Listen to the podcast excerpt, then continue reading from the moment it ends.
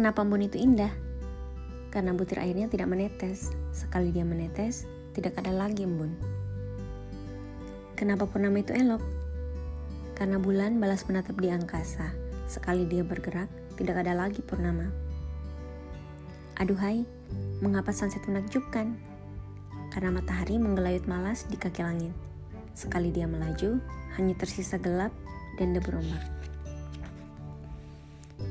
Mengapa pagi menenteramkan dan dingin? Karena kabut mengambang di sekitar. Sekali dia menguap, tidak ada lagi pagi.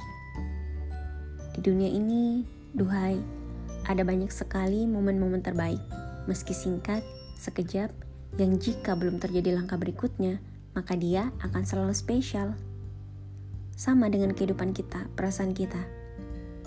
Menyimpan perasaan itu indah, karena penuh misteri dan menduga. Sekali dia tersampaikan, tidak ada lagi menyimpan. Menunggu seseorang itu elok, karena kita terus berdiri setia. Sekali dia datang, tidak ada lagi menunggu. Bersabar itu sungguh menakjubkan, karena kita terus berharap dan berdoa. Sekali masanya tiba, tiada lain kecuali jawaban dan kepastian. Sungguh tidak akan keliru bagi orang-orang yang paham. Wahai, Tahukah kita kenapa embun itu indah? Karena butir airnya tidak menetes. Sekali dia menetes, tidak ada lagi embun. Masa singkat yang begitu berharga.